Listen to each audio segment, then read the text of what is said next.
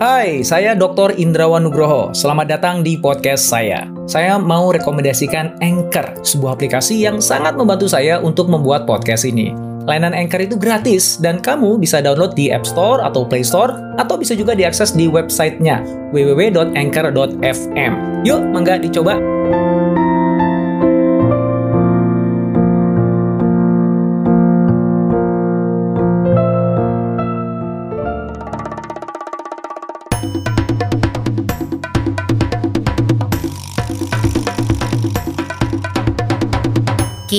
Podcast Network. Sebuah kejutan terjadi di Gaikindo Indonesia International Auto Show atau GIAS 2022.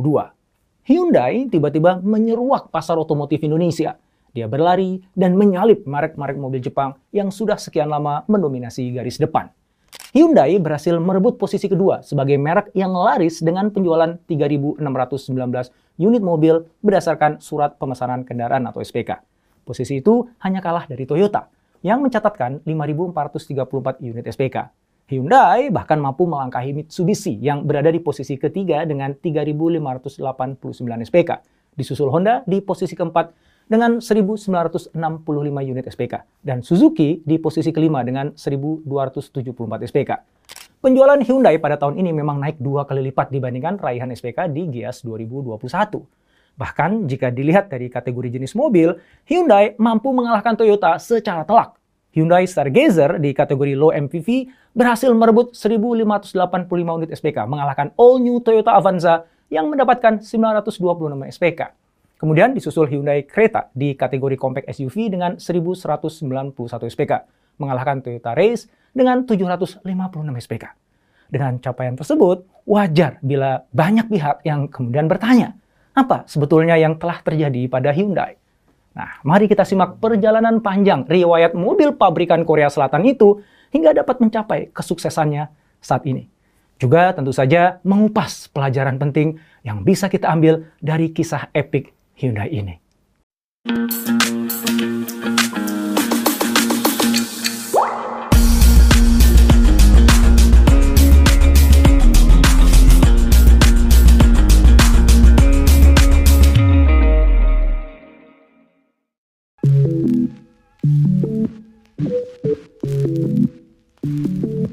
Perjalanan panjang Hyundai dimulai oleh Chung Ju Yung di tahun 1947. Dia mendirikan Hyundai Engineering and Construction Company.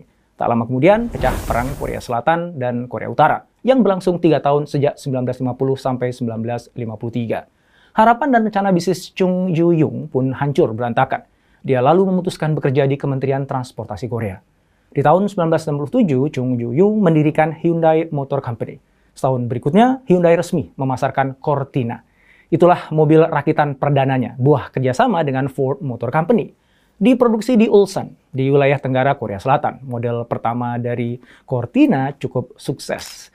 Dan nggak hanya di negerinya sendiri, melainkan juga mampu masuk ke pasar Eropa hingga awal tahun 1970-an. Sukses itu membuat Hyundai pada Februari 1974 berani mengembangkan mobil buatannya sendiri. Dan untuk itu direkrutlah mantan Managing Director Austin Morris di British Leyland, George Turnbull. Ia kemudian mengajak enam insinyur dari Eropa. Satu perancang bodi, dua perancang sasis, dua insinyur produksi, dan seorang insinyur uji. Akhirnya pada Oktober 1974, mereka memperkenalkan Pony di Turin Motor Show. Pony pun diproduksi secara massal dan diperkenalkan ke pasar domestik pada Desember 1975.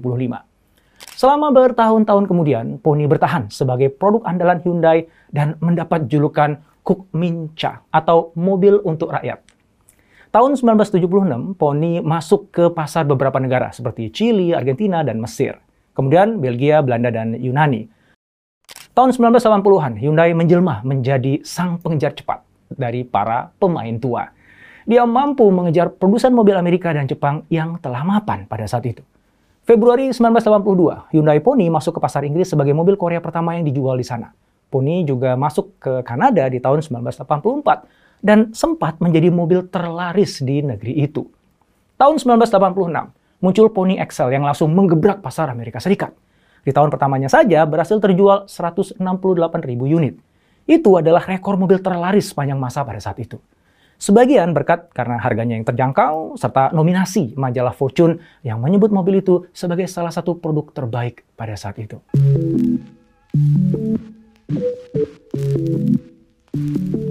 Sukses Hyundai di Amerika membuat Toyota mulai melihatnya sebagai ancaman. Yukitoshi Funo, ketua Toyota Motor Sales USA pada tahun 2006 di Detroit mengungkapkan kepada wartawan, kami khawatir tentang mereka. Pesaing utama kami di sini pada dasarnya adalah Honda Motor, Nissan Motor, dan Hyundai. Tetapi Hyundai adalah yang paling kami perhatikan dengan sangat hati-hati. Perjalanan di Amerika Serikat tak selamanya mulus. Kelemahan-kelemahan Hyundai Pony Excel mulai tampak dan penjualannya di Amerika Serikat turun sampai 65%. Di tahun 1990-an, Hyundai bahkan sempat diolok-olok oleh para komedian TV populer di Amerika. Hyundai disamakan dengan Lush, sebuah gerobak luncur yang dinaiki dengan posisi telentang oleh komedian Jay Leno. Di TV show lain, David Letterman juga memasukkannya sebagai bahan candaan. Hyundai jelas tidak tinggal diam. Mereka kemudian menyuntikkan dana pengembangan desain, kualitas produksi, dan penelitian yang enggak sedikit. Mereka juga memberi garansi 10 tahun atau 10.000 mil, 160.000 km kurang lebih. Dan upayanya nggak sia-sia. Tahun 2004, penjualannya kembali meningkat drastis dan reputasinya pun kian membaik. Hyundai memang perlu waktu untuk membangun reputasi. Beda dengan produsen mobil Jepang yang tidak perlu membuktikan apa-apa karena sudah menjadi pengetahuan umum ya kalau mobil Jepang itu inovatif, andal, dan juga bergaya. Sampai akhir tahun 1990-an, pasar domestik Korsel dilindungi kebijakan nasionalis dan proteksionis pemerintah yang membatasi arus masuk investasi asing langsung ke sektor otomotif. Perusahaan mobil Korsel punya kesempatan untuk meningkatkan kualitas produknya. Dengan sedikit pesaing dari asing, akhirnya mereka mendominasi pasar domestik. Hyundai menjadi yang paling dominan. Mereka mampu berkembang pesat dalam dekade pertama dan mampu mencapai 54% pangsa pasar domestik Korea Selatan pada tahun 1977. Dan memasuki pergantian milenium, Hyundai memantapkan dirinya sebagai merek kelas dunia. Hyundai Motor Group banyak berinvestasi dalam kualitas, desain, manufaktur, dan penelitian. Di tahun 2001 berdiri Pusat Desain Eropa Hyundai dan tahun 2003 didirikan Pusat Teknis Hyundai Motor Eropa dan juga Pusat Desain Namyang. Mereka fokus pada kemampuan inovasi teknologi sebagai respon terhadap perubahan selera masyarakat. Itulah yang membuat Hyundai berkembang di pasar Asia Pasifik sebagai penyumbang utama penjualannya, diikuti oleh Amerika Utara. Penjualan retail Hyundai mengalami pertumbuhan yang mengesankan pada tahun 2016.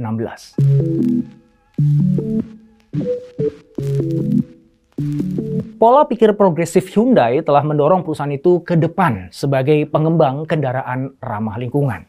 Di tahun 1991, mereka meluncurkan Sonata Electric Vehicle, prototipe mobil listrik pertamanya, berbasis tipe bodi sedan Sonata. Teknologi baterainya menawarkan jangkauan sejauh 80 km dengan kecepatan tertinggi 60 km per jam. Setahun kemudian, ditampilkan EV berbasis tipe bodi Pony XL. Dan di tahun-tahun berikutnya, meluncur Sonata kedua dan Hyundai Scope dengan jangkauan dan kecepatan tertinggi yang lebih baik. Tahun 1995, Hyundai membuka pusat penelitian dan pengembangan di Namyang yang fokus pada pengembangan teknologi baterai. Hasilnya muncullah Hyundai Accent dengan jangkauan 390 km dan kecepatan tertinggi hingga 140 km per jam. Di tahun itu, Hyundai bereksperimen membuat mobil dengan sistem propulsi hybrid. Mobil listrik hybrid pertama yang dirilis dengan mengambil konsep model Hyundai FG V1. Mobil itu diperkenalkan di Seoul Motor Show 1995. Namun sayangnya, semua model itu tidak diproduksi secara komersial. Setelah melakukan penelitian secara ekstensif selama dua dekade, di September 2010, Hyundai meluncurkan Blue On. Itulah mobil listrik pertama yang diproduksi untuk kepentingan komersil, walaupun terbatas hanya untuk instansi pemerintah. Blue On berbasis Hyundai i10 dan memiliki jangkauan 140 km dan kecepatan tertinggi 130 km per jam dengan waktu pengisian selama 6 jam. 6 tahun kemudian, tepatnya di tahun 2016, Ioniq diperkenalkan. Inilah mobil pertama di dunia yang menawarkan powertrain hybrid, plug-in hybrid, dan full electric terpisah dalam satu tipe bodi. Namanya diambil dari kata ion dan unik. Versi listrik Ioniq generasi pertamanya menggunakan baterai polimer lithium ion 28 kWh dan mampu menjangkau hingga 200 km. Selanjutnya di tahun 2018, Hyundai mengumumkan SUV listrik subkompak pertama di dunia, Kona Electric. Permintaan Kona Electric melebihi ekspektasi setelah diluncurkan di Eropa. Tahun 2010-an menjadi tahun-tahun penting bagi Hyundai. Mereka memantapkan diri sebagai pionir di industri otomotif dalam hal mobilitas masa depan yang ramah lingkungan. Hal itu dapat dilihat dari kampanye Progress. Kampanye ini menunjukkan bahwa sejak awal berdirinya, Hyundai membangun semangat progresif. Sebuah semangat untuk terus berinovasi dan memenuhi tantangan masa depan yang memiliki tagline Next Awaits. Hai, sebelum kita lanjut podcastnya, kamu sudah pernah dengar Anchor kan? Anchor adalah all-in-one podcast editing platform yang saya gunakan untuk rekaman, edit suara, tambah lagu, dan semua hal dalam pembuatan podcast yang sedang kamu dengerin ini. Anchor bisa membantu kamu bikin podcast kamu sendiri loh. Caranya gampang, tinggal download dari App Store atau Play Store, atau bisa juga diakses di www.anchor.fm. Download Anchor sekarang ya.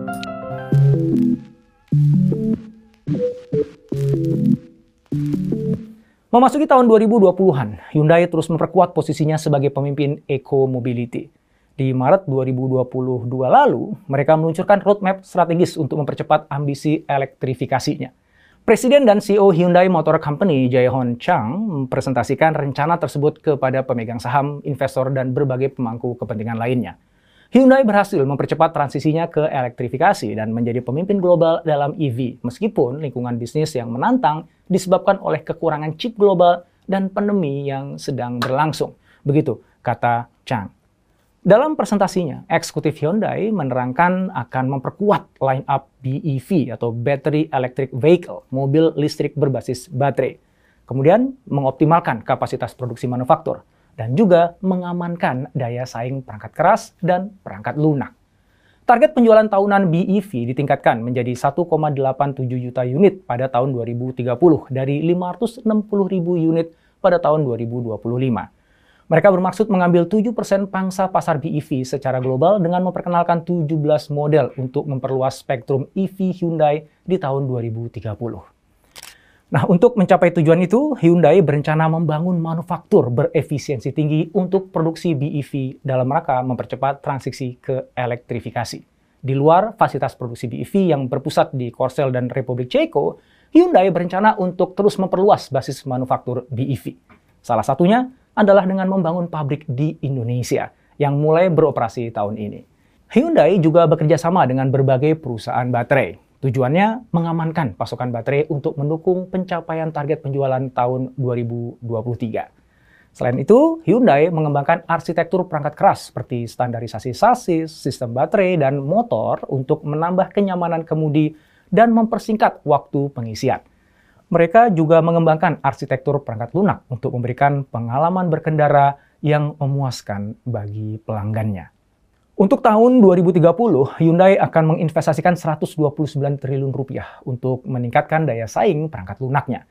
Termasuk di antaranya 46 triliun rupiah untuk pengembangan teknologi seperti konektivitas dan kemudi otonom. 51,6 triliun rupiah untuk investasi strategis di perusahaan ritisan dan lembaga penelitian. Serta 31,2 triliun rupiah untuk diinvestasikan pada teknologi informasi dan komunikasi. Harapannya setelah tahun 2030, Hyundai menargetkan pendapatan dari bisnis perangkat lunak mengambil 30% dari total penjualannya.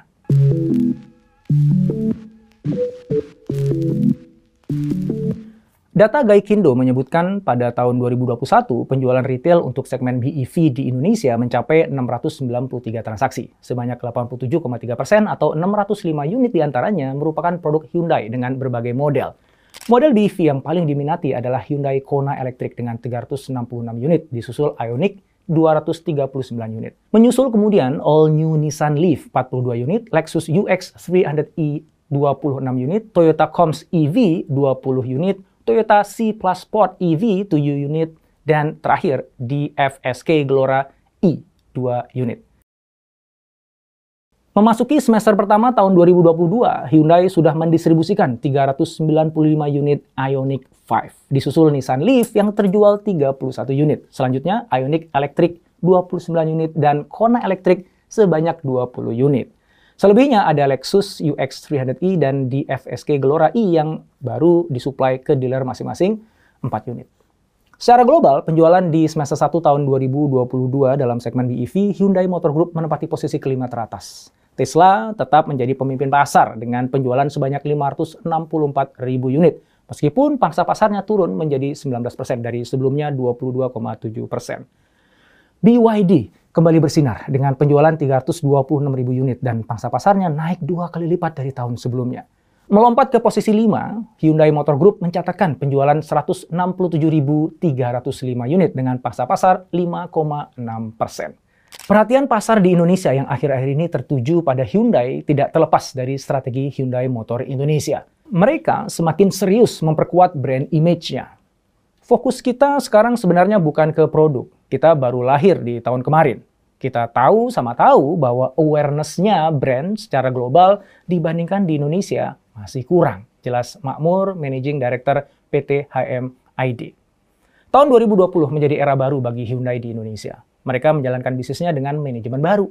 Keseriusan Hyundai dalam menggarap pasar Indonesia ditunjukkan dengan pendirian PT Hyundai Motors Indonesia sebagai perusahaan penjualan dan distributor resmi Hyundai Motor Company.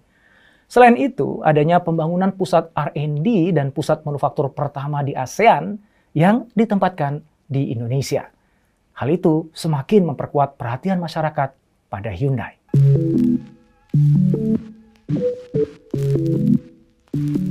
Kolumnis senior motor biskuit Joe Santos mengatakan, butuh beberapa dekade bagi Hyundai untuk menjadi pemain yang lebih tangguh di pasar global. Nah, menyadari hal itu, Hyundai fokus untuk membuat produk yang lebih baik. Caranya, mereka menawarkan mobil yang fiturnya sama dengan mobil Jepang yang mahal dan terkenal, namun dijual dengan harga yang lebih terjangkau. Hyundai juga melompat sekian langkah dari produsen mobil Jepang dengan agresif memproduksi dan menawarkan mobil listrik dengan desain bodi yang futuristik dan harga yang menarik. Selain itu, Hyundai kini populer di Amerika Serikat berkat Hyundai Palisade yang memiliki desain yang besar, mewah, dan juga berteknologi tinggi. Garansi Hyundai yang sangat legendaris itu juga membantu Hyundai lebih diterima pada hari ini. Ketika pandemi, Hyundai memastikan dealernya memiliki persediaan yang cukup, juga membuat persyaratan pembiayaan yang lebih mudah untuk mendorong permintaan. Di saat produsen mobil lain justru konservatif dengan membatasi persediaan yang ada di dealer. Industri otomotif saat ini sedang mengalami transisi. Ini menjadi tantangan besar bagi produsen mobil. Mereka perlu berinvestasi dalam hal teknologi dan model terbaru di semua segmen kendaraan termasuk kendaraan listrik agar tetap kompetitif. Perubahan ini menuntut perlunya fokus pada inovasi teknologi dan pemasaran. Masa depan industri ini dibentuk oleh pelanggan yang semakin menuntut produsen otomotif untuk menciptakan mobil layaknya produk teknologi tinggi yang mereka biasa pakai. Mereka ingin mobil yang canggih, yang mudah, yang nyaman, yang keren, dan tentu saja ramah lingkungan. Artinya, motor listrik, baterai, kemudi otonom, dan software akan jadi penentu. Nah, dalam hal itu, Hyundai bukan cuma sudah berinvestasi besar-besaran, namun juga sudah secara agresif menawarkan produk-produknya yang mengejutkan pasar.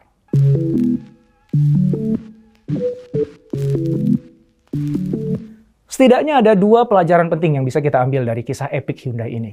Pertama, keberhasilan Hyundai tidak terjadi dalam satu malam, melainkan melalui perjalanan panjang di mana ambisi, inovasi, dan investasi menjadi penggeraknya.